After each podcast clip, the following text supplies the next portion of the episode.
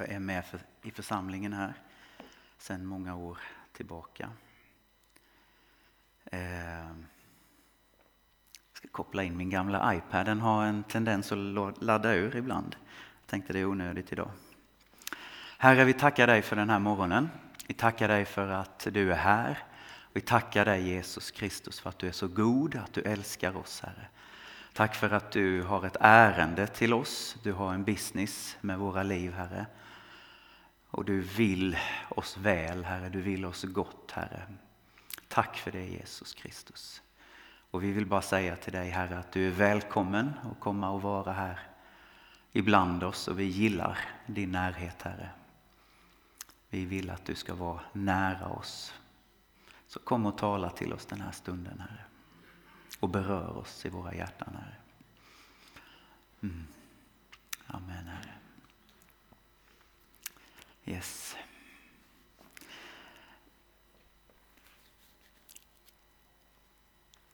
I den här kyrkan, församlingen, så har vi just nu ett litet tema, predikoserie utifrån första Thessalonikerbrevet.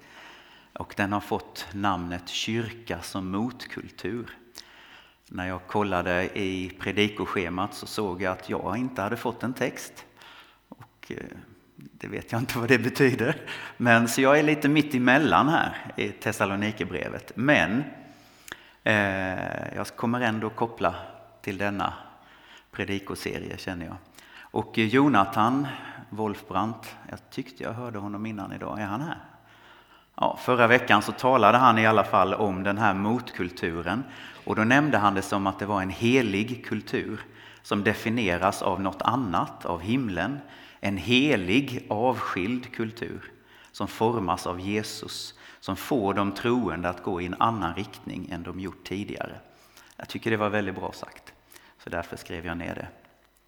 Och jag tänker att idag, även om jag inte ska predika utifrån första Thessalonikerbrevet, så kommer jag att knyta an till det här temat, kyrka som motkultur, och göra det gällande det inre livet inom oss. Och presentera, jag kallar det för en livshållning. Jag vet inte om det är rätt ord, men det är det ordet jag kommer använda idag. Eh, en livshållning som i sig är helig, himmelsk motkultur. Stort inledningstal. Eh, och i den här tiden som vi lever i nu, jag vet inte om ni har upptäckt det, men så lever vi i en otroligt individualistisk tid i, i världen och i Sverige, kanske extra mycket i Sverige, jag vet inte. Eh, den är till och med narcissistisk, eh, egocentrisk. Alltså mitt, jag, mig och mitt är i centrum. Eh, och till den här kulturen så är det vi talar om idag en väldigt stark motkultur. Jag skulle till och med vilja benämna den som revolutionär, om man får använda sådana uttryck. Eh, och i den här så får jag kliva ur centrum i mitt liv och sätta Jesus Kristus i centrum i mitt liv. Och det är inte längre min tillfredsställelse i livet som är det viktiga och som är i centrum, utan det är Guds tillfredsställelse. Och idag ska jag predika, jag, jag var väldigt tveksam över det här jag, bilden som jag har fått till mig. För Jag tyckte den var lite banal och enkel. Jag tänkte det kan jag inte predika om på en söndaggudstjänst. Men det är det jag kommer göra. Jag tror jag ska göra det. Som jag tror Herren gav mig eh, för en vecka sedan. Eh, det är ett väldigt enkelt budskap men det är kanske inte alltid så lätt att leva det här budskapet. Och idag, ni får ursäkta mig om det är ett väldigt enkelt bildspråk, ganska enkelt språk, inte bara djupa teologiska Eh, sanningar som återfinns i Bibeln utan vissa delar av bilden är hämtad från vardagen, till och med från matematik och geometri. Eh, men budskapet däremot är väldigt bibliskt. Eh, och ibland så är det ju så när man behöver beskriva någonting som inte är gömt eller dolt, men någonting som är lite svårt att greppa, något som är lite svårt att se, nästan lite mystiskt. Eh, och när man talar om Gud och det inre livet med Gud så kan man med fördel ibland använda bildspråk för att förklara och förtydliga vissa saker. och berätta vissa saker. Och i Gamla testamentets poesi, Saltaren till exempel, som vi läste nyss, eh, så finns det jättemycket sånt.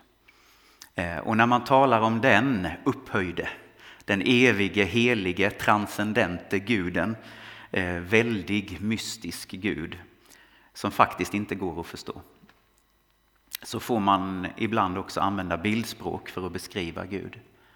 Eh, man behöver till och med använda negativa bilder ibland, det vill säga att säga så här är inte Gud för att beskriva hur han är.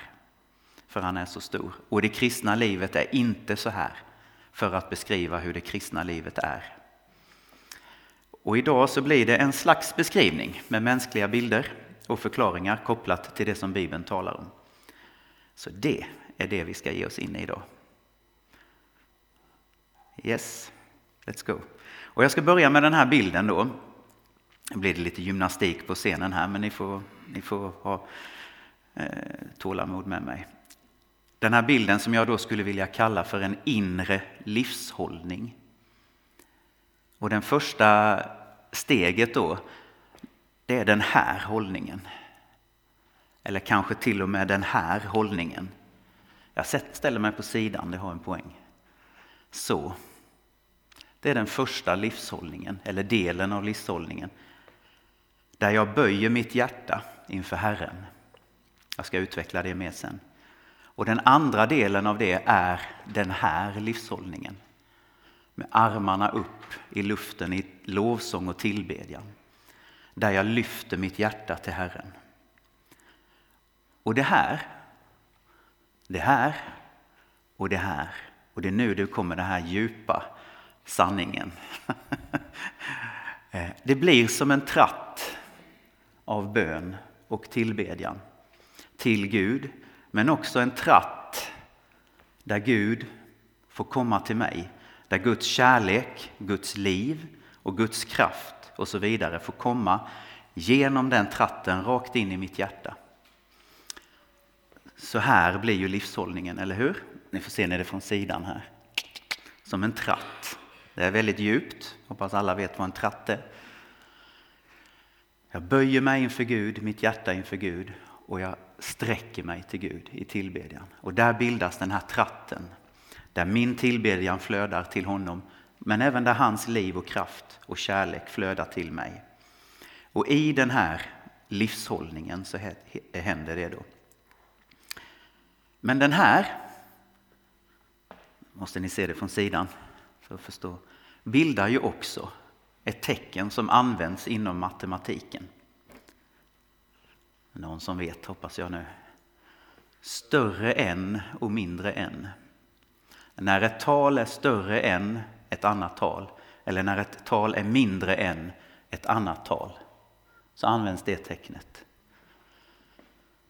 Och större än pekar mot, inte så överraskande, mot Gud. Och mindre än pekar mot mig. Och det blir en påminnelse i hela livet, i hela mitt liv, att Gud är större. Vad som än händer, när livet är tufft så är Gud större än det jag möter. Och när allting går bra och när det är framgång i livet och när jag tror att jag är någonting, kanske mirakler och tecken och under sker, då är det en påminnelse om att Gud är större och jag är mindre än Gud. Att kraften kommer från Gud, lösningen kommer från Gud, bönesvaret kommer från Gud. Det är en påminnelse i tuffa tider att jag kan räkna med Gud och påminnelse i segerrika, framgångsrika tider att det inte är jag som är stor utan det är Gud som är stor. Om vi bara väldigt snabbt tittar på de här bitarna i den här livshållningen då. Först och främst kan vi säga att båda är viktiga. Tillsammans bildar de den här tratten som jag talar om. Då. Och när man böjer sig ner med armarna så här eller på knä. Jag gillar att be på knä. Jag tycker det är något speciellt. Även om jag får ont i knäna väldigt snabbt. Men en liten stund funkar det.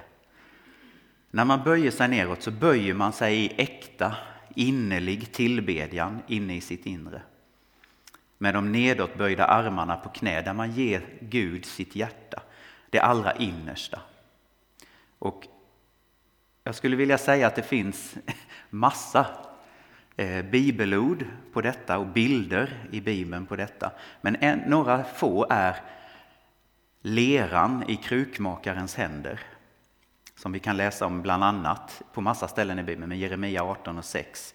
Där leran som är mjuk, som är formbar i Guds händer. Där vi får lägga oss som en lerklump i Guds händer.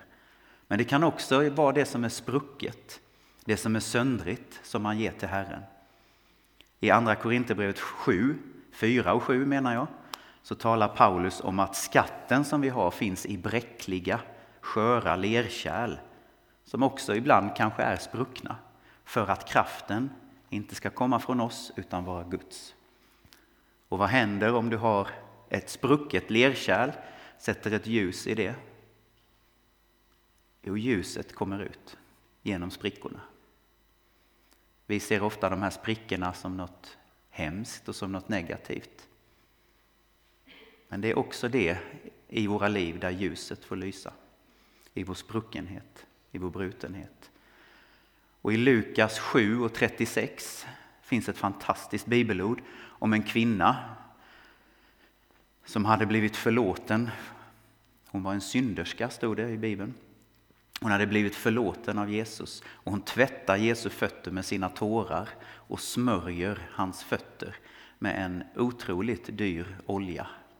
Och det var så äkta och så innerligt. Det är också den livshållningen. Och sen har vi den andra delen. Man sträcker händerna i luften. Och det är också tillbedjan, precis som den första livshållningen. Och det är tacksägelse. Och det kan vara hur Gud har upprättat oss, hur Gud har förlåtit oss och hur vi får leva i förlåtelsen från Gud. Vi är inte bara böjda, om jag nu får använda bara, bara böjda inför Gud. För den här böjdheten, jag tror det är ett påhittat ord idag, böjdhet, men vi använder det. Den här böjdheten inför Gud är inget negativt, det är något helt fantastiskt. Men vi är inte bara där. Vi är inte bara i förkrosselsen och bedjandet om förlåtelse och nåd, utan vi har fått nåd, vi har fått förlåtelse, vi har blivit upprättade, upp, inte upprättade, det kanske man kan bli också ibland, men upprättade och vi har blivit uppresta så att vi kan lyfta våra händer vi har blivit Guds barn, som är något fantastiskt. Vi har blivit Guds sändebud, Guds härold. Guds keryx heter det på grekiska, fick jag lära mig i somras. Vi har blivit Kristi kropp, vi har blivit Andens tempel. Och det är ord vi använder sådär lite slarvigt i kyrkan ibland. Men vi är Kristi kropp. Vi är Andens tempel, det är otroligt. Och Gud har lyft oss upp ur den djupa dyn och ställt oss på en fast klippa, som det står i Saltaren 40. Och här finns också ett, i Romarbrevet 8.31 och, och 8 verser där i slutet till vers 39 finns fantastiskt text.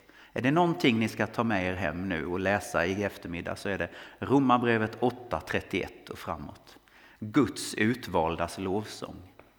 Den är underbar. Det är den här livshållningen. Och det avslutas med att jag är viss om att ingenting kan skilja oss ifrån Guds kärlek i Kristus Jesus. Och här i den här livshållningen så kommer också vissheten och tron in i den här uppresta positionen. Tron på att Gud har förlåtit mig. Och vad är tro? Jo, det är en fast förvissning Första Johannes 1 och 9 så står det att om vi bekänner våra synder så är han trofast och rättfärdig så att han förlåter mig synderna och renar mig från all orättfärdighet. Han har upprättat mig, han har rest mig upp och gjort mig till ett Guds barn. Och även tron på att leva ut det livet som ett Guds barn. Tron på att jag har blivit återupprättad, jag har blivit en upprest person. Och som ni förmodligen redan har räknat ut så märker ni att de här olika hållningarna är två sidor av samma mynt. de hänger ihop. Det är inte så liksom att här har vi steg ett och här har vi steg två. Så är det inte, utan det är två sidor av samma mynt. Och det här är ju såklart inte allt i det kristna livet. Det här är en del av livet. Det är en livshållning skulle jag vilja påstå. Det finns många andra väldigt viktiga saker som bibelläsning, konkreta bönämnen, gudstjänstliv etc. etc. etc. Men det här är en livshållning som man kan ha.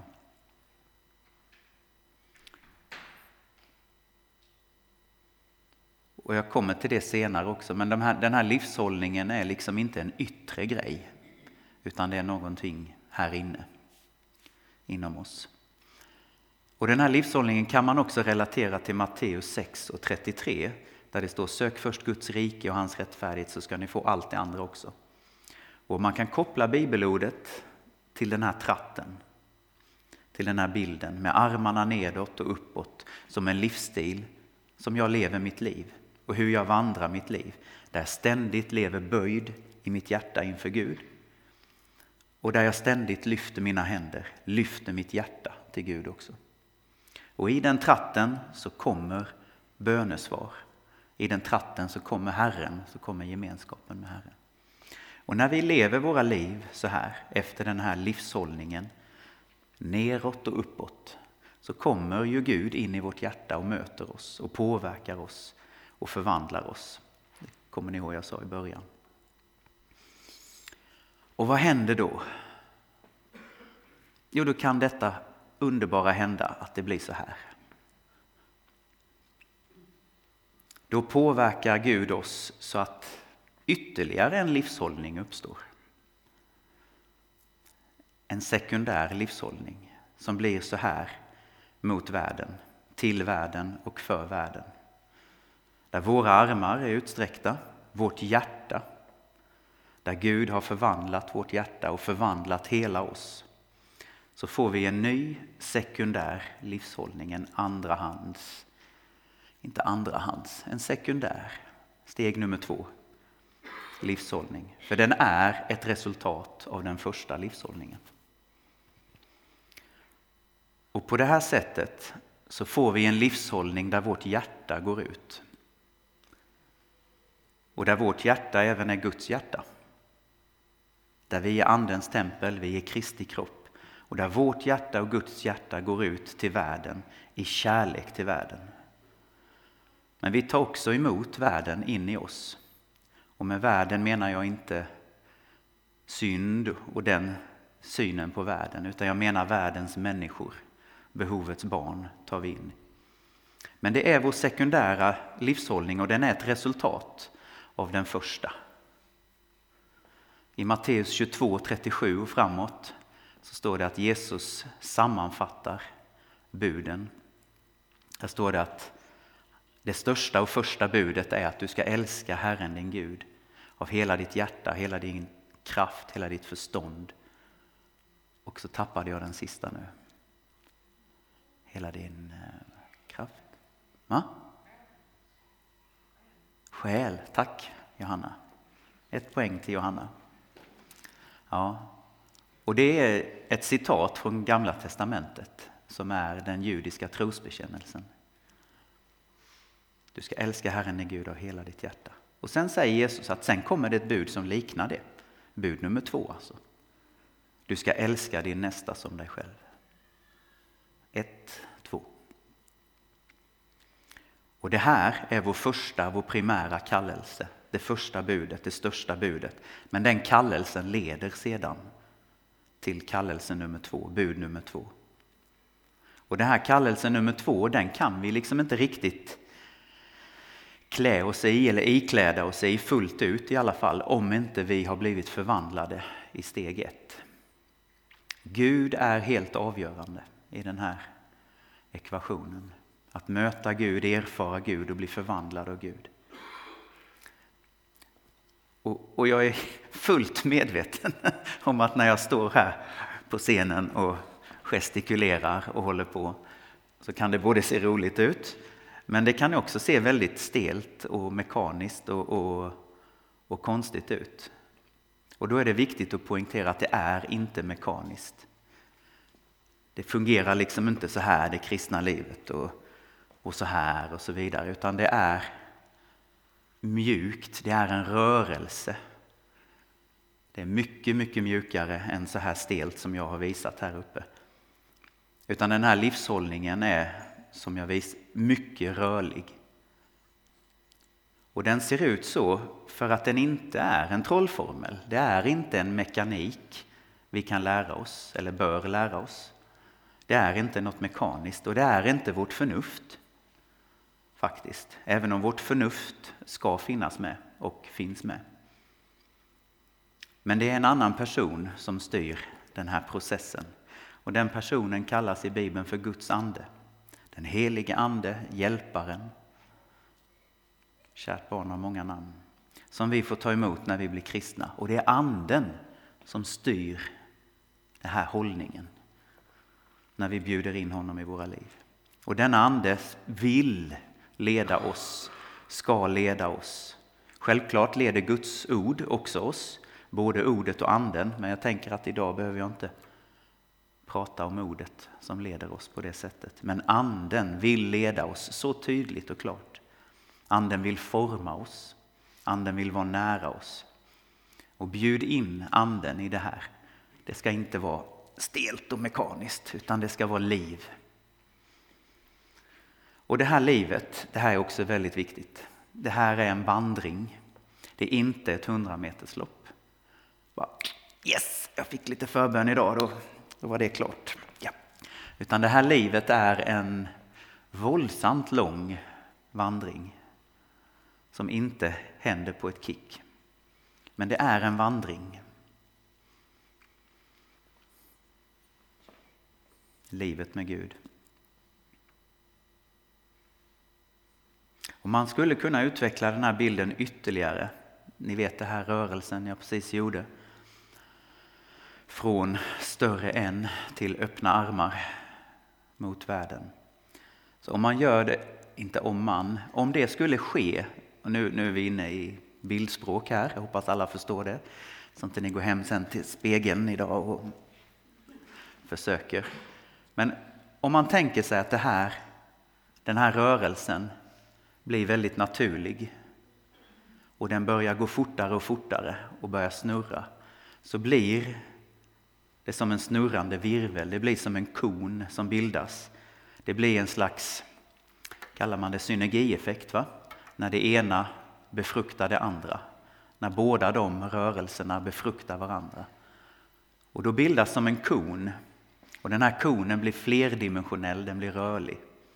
Och i den här konen, som jag nämnde innan, så kommer Guds kärlek till oss hela tiden. Guds liv till våra hjärtan. Och ut ur den här konen så kommer Guds kärlek, vår kärlek till människor hela tiden. Som ett pulserande liv, som en andning som pågår. Kärlek som kommer från att Gud har förvandlat våra hjärtan och Gud vill att vi ska vara lika honom, vi ska vara som honom. Som Fadern har sänt mig, säger Jesus, sänder jag er.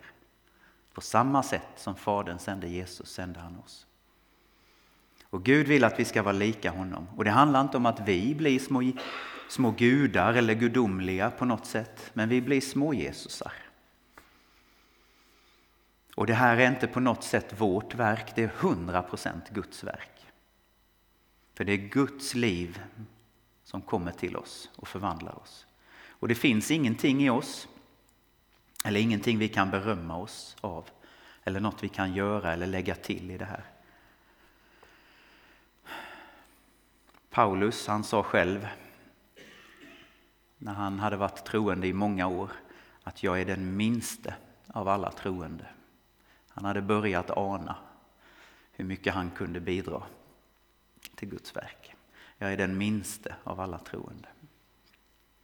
Så är det också med oss. Det finns ingenting som vi har som vi kan berömma oss av här. Vi kan kom, det, där vi kan komma inför Gud och säga att Kolla här Gud, det här kan jag.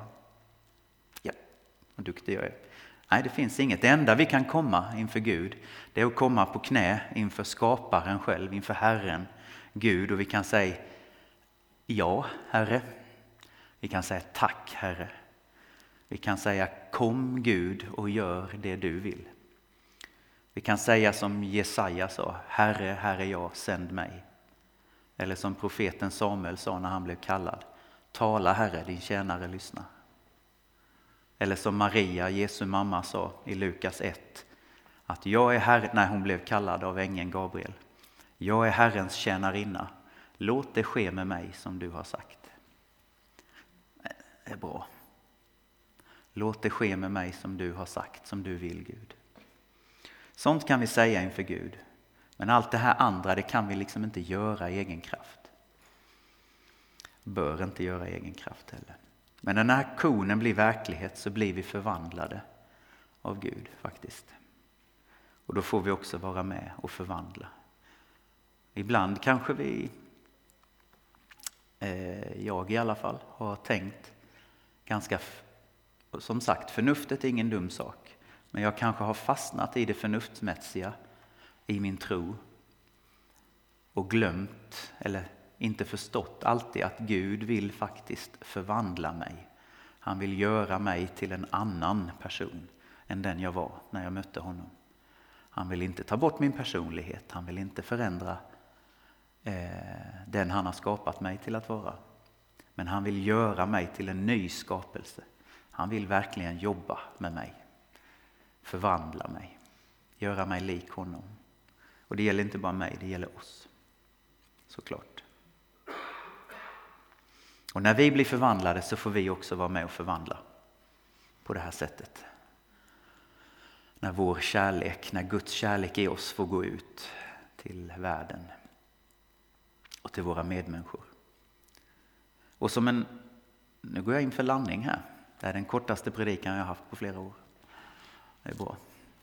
Och som avslutning så vill jag säga att det här är en inbjudan till oss alla. Men kanske extra mycket till dig som brottas med din tro. Eller till dig som kanske ännu inte kallar dig för kristen. Du har inte bestämt dig riktigt än. Eller till dig som brottas med ditt liv på olika sätt. Det här är en inbjudan till dig speciellt. Inbjudan att börja vandra på den här vägen. Och jag sa det är en vandring, det är ingen quick fix. Det är en vandring. Och börja leva i den här livshållningen. Att böja ditt hjärta inför Jesus och att böja dig inför Gud. Men också att lyfta din blick.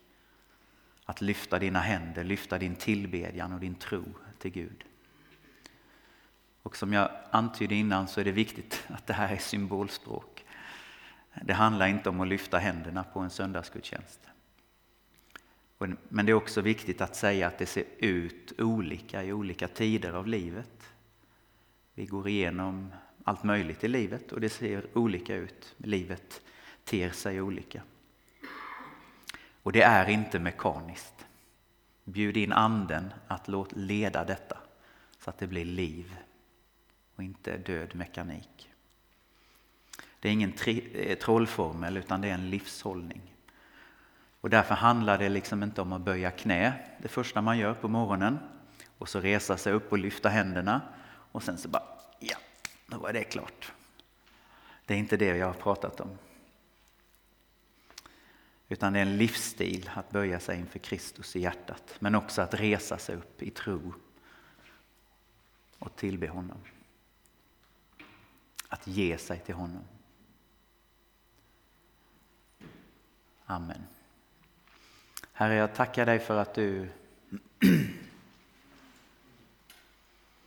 du är så god, Herre, att du har gett dig helt till oss, Herre. Tack för att du inte håller tillbaka, Herre. Och i den här konstiga bilden av en tratt eller en kon, Herre, så är det inte så att det bara är mekaniskt, att det är något stelbent, utan Herre, tack för att du vill ge hela dig själv till oss, Herre. Och tack för att du älskar så, oss så mycket, Herre, att du också vill förvandla oss, Herre. Och inte bara lite grann, utan du vill förvandla oss, Herre. Tack för det, Herre. Och jag ber dig för mig själv och alla oss som är här inne, Herre. Jag ber dig, heliga Ande, att du hjälper oss att vandra på den här vägen, här, Att böja vårt hjärta till dig, men också att lyfta vår blick och lyfta vår tro till dig, Herre. Att vi får ge oss fullt till dig, Herre. Men vi ber dig också Herre att du ska ge dig helt till oss Herre. Du har sagt att dra er nära mig så ska jag dra mig nära er. Och Herre, vi ber dig att när vi gör det så ber vi dig, dra dig nära oss, Herre. Vi vill vara nära dig, Herre. Och vi ber dig, kom Herre, kom Herre.